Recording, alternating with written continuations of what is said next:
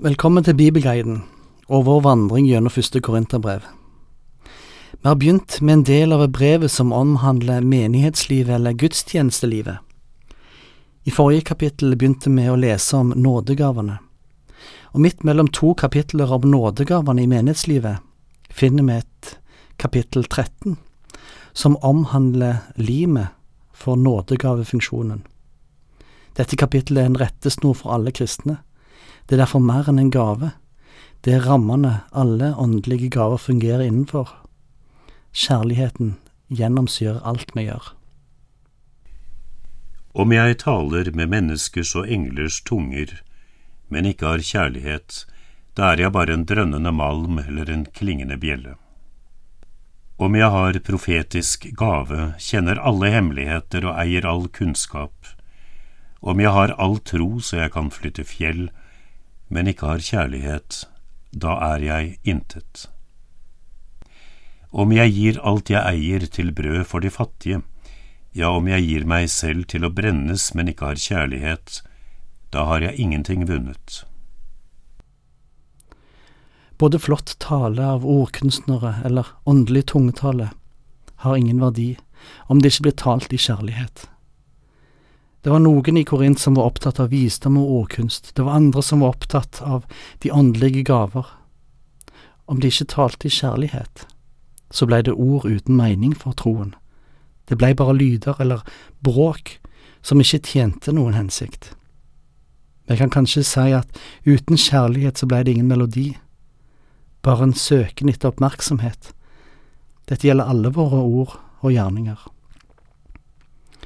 Vår kunnskap, vår åndelighet og våre gode gjerninger betyr ingenting om vi bruker dem for å dyrke vårt eget sjølbilde eller vårt eget ego. Guds vilje er at alle våre tjenester og gjerninger skal gjøres i kjærlighet. I brevet så gjør Paulus seg sjøl til et eksempel. Han taler både profetisk og i tunger, han kjenner alle hemmeligheter og har kunnskap, Mirakler følger han, og han gir livet sitt i sin tjeneste, men han vitner om at det er en kjærlighet som driver han, ikke frihet eller kunnskap, som korinterne trakk etter. Kjærligheten leder oss som kristne i våre liv. Denne kjærligheten er ikke en prestasjon av oss, men en gave som Gud gir oss ved Den hellige ånd.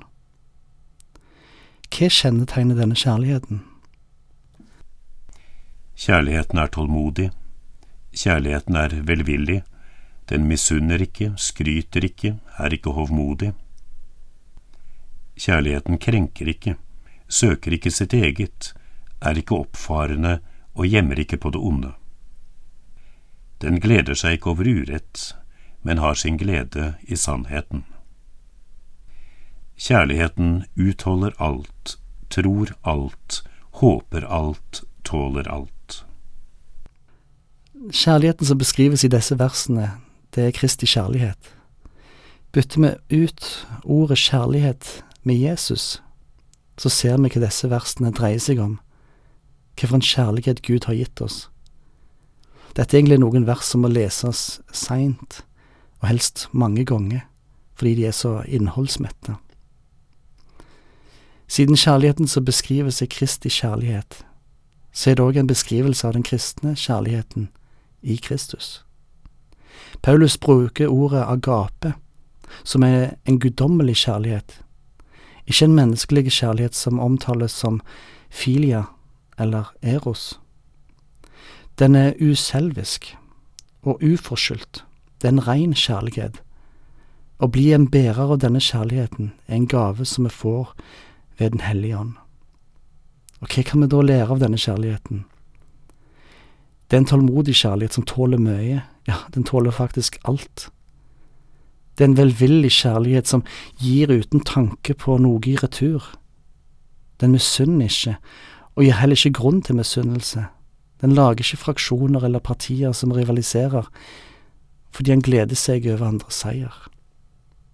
Kjærlighetens gjerninger har ikke til hensikt å søke beundring eller ære ifra andre.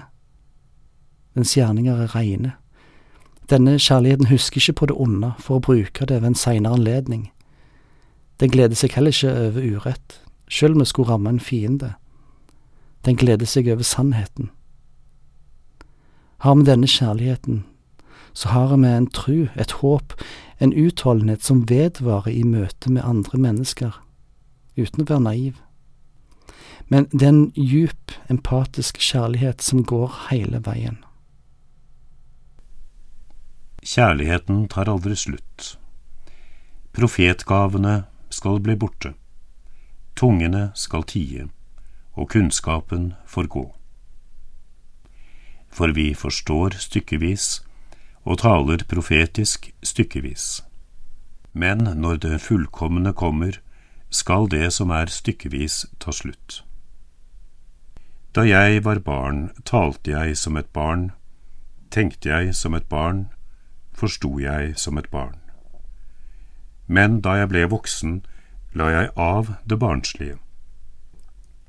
Nå ser vi i et speil i en gåte.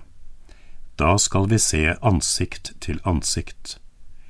Nå forstår jeg stykkevis, da skal jeg erkjenne fullt ut slik Gud kjenner meg fullt ut. Så blir de stående, disse tre, tro, håp og kjærlighet, men størst blant dem er kjærligheten.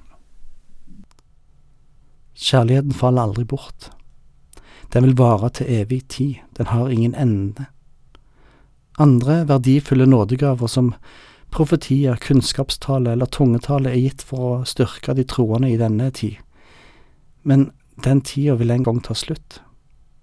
Nådegavenes funksjonstid gjelder helt fram til Jesus kom igjen for å dømme levende og døde. Nå forstår vi litt, men da, da vil vi forstå fullt ut. Dermed skal vi òg ha en ydmykhet i vår tale. Det er ikke alt vi forstår ennå, men en dag så vil vi få svar på våre spørsmål. Som barn så tror en at hele verden er min. En har forstått det meste. En har ingen bekymringer, ikke sant? Når en blir voksen, så blir ting litt mer komplekse. Samtidig så er det noe vi ønsker. Selv om vi kan ha det bekymringsløst som barn, så ønsker vi ikke bli værende der hele tida. Vi ønsker jo å forstå mer. Våre nådegaver er ikke barnslige, men de har si begrensede funksjonstid, og en dag vil vi få se hele bildet. Nå ser vi som i et speil, Betyr det at speilene var dårlige på Paulus i tid? Hva betyr det at vi ser som i et speil? Ser vi ikke da oss sjøl sånn som vi ser ut? Jo, vi ser jo noe av oss sjøl, men ikke hele bildet. Vi ser bare det vi speiler. Men en dag skal vi se hele bildet. Da vil gåter bli løst. Da skal vi få møte Gud ansikt til ansikt. Nå i vår tid så er nådegavene nyttige og tjenlige men det som overskygger de alle, er tro, håp og kjærlighet.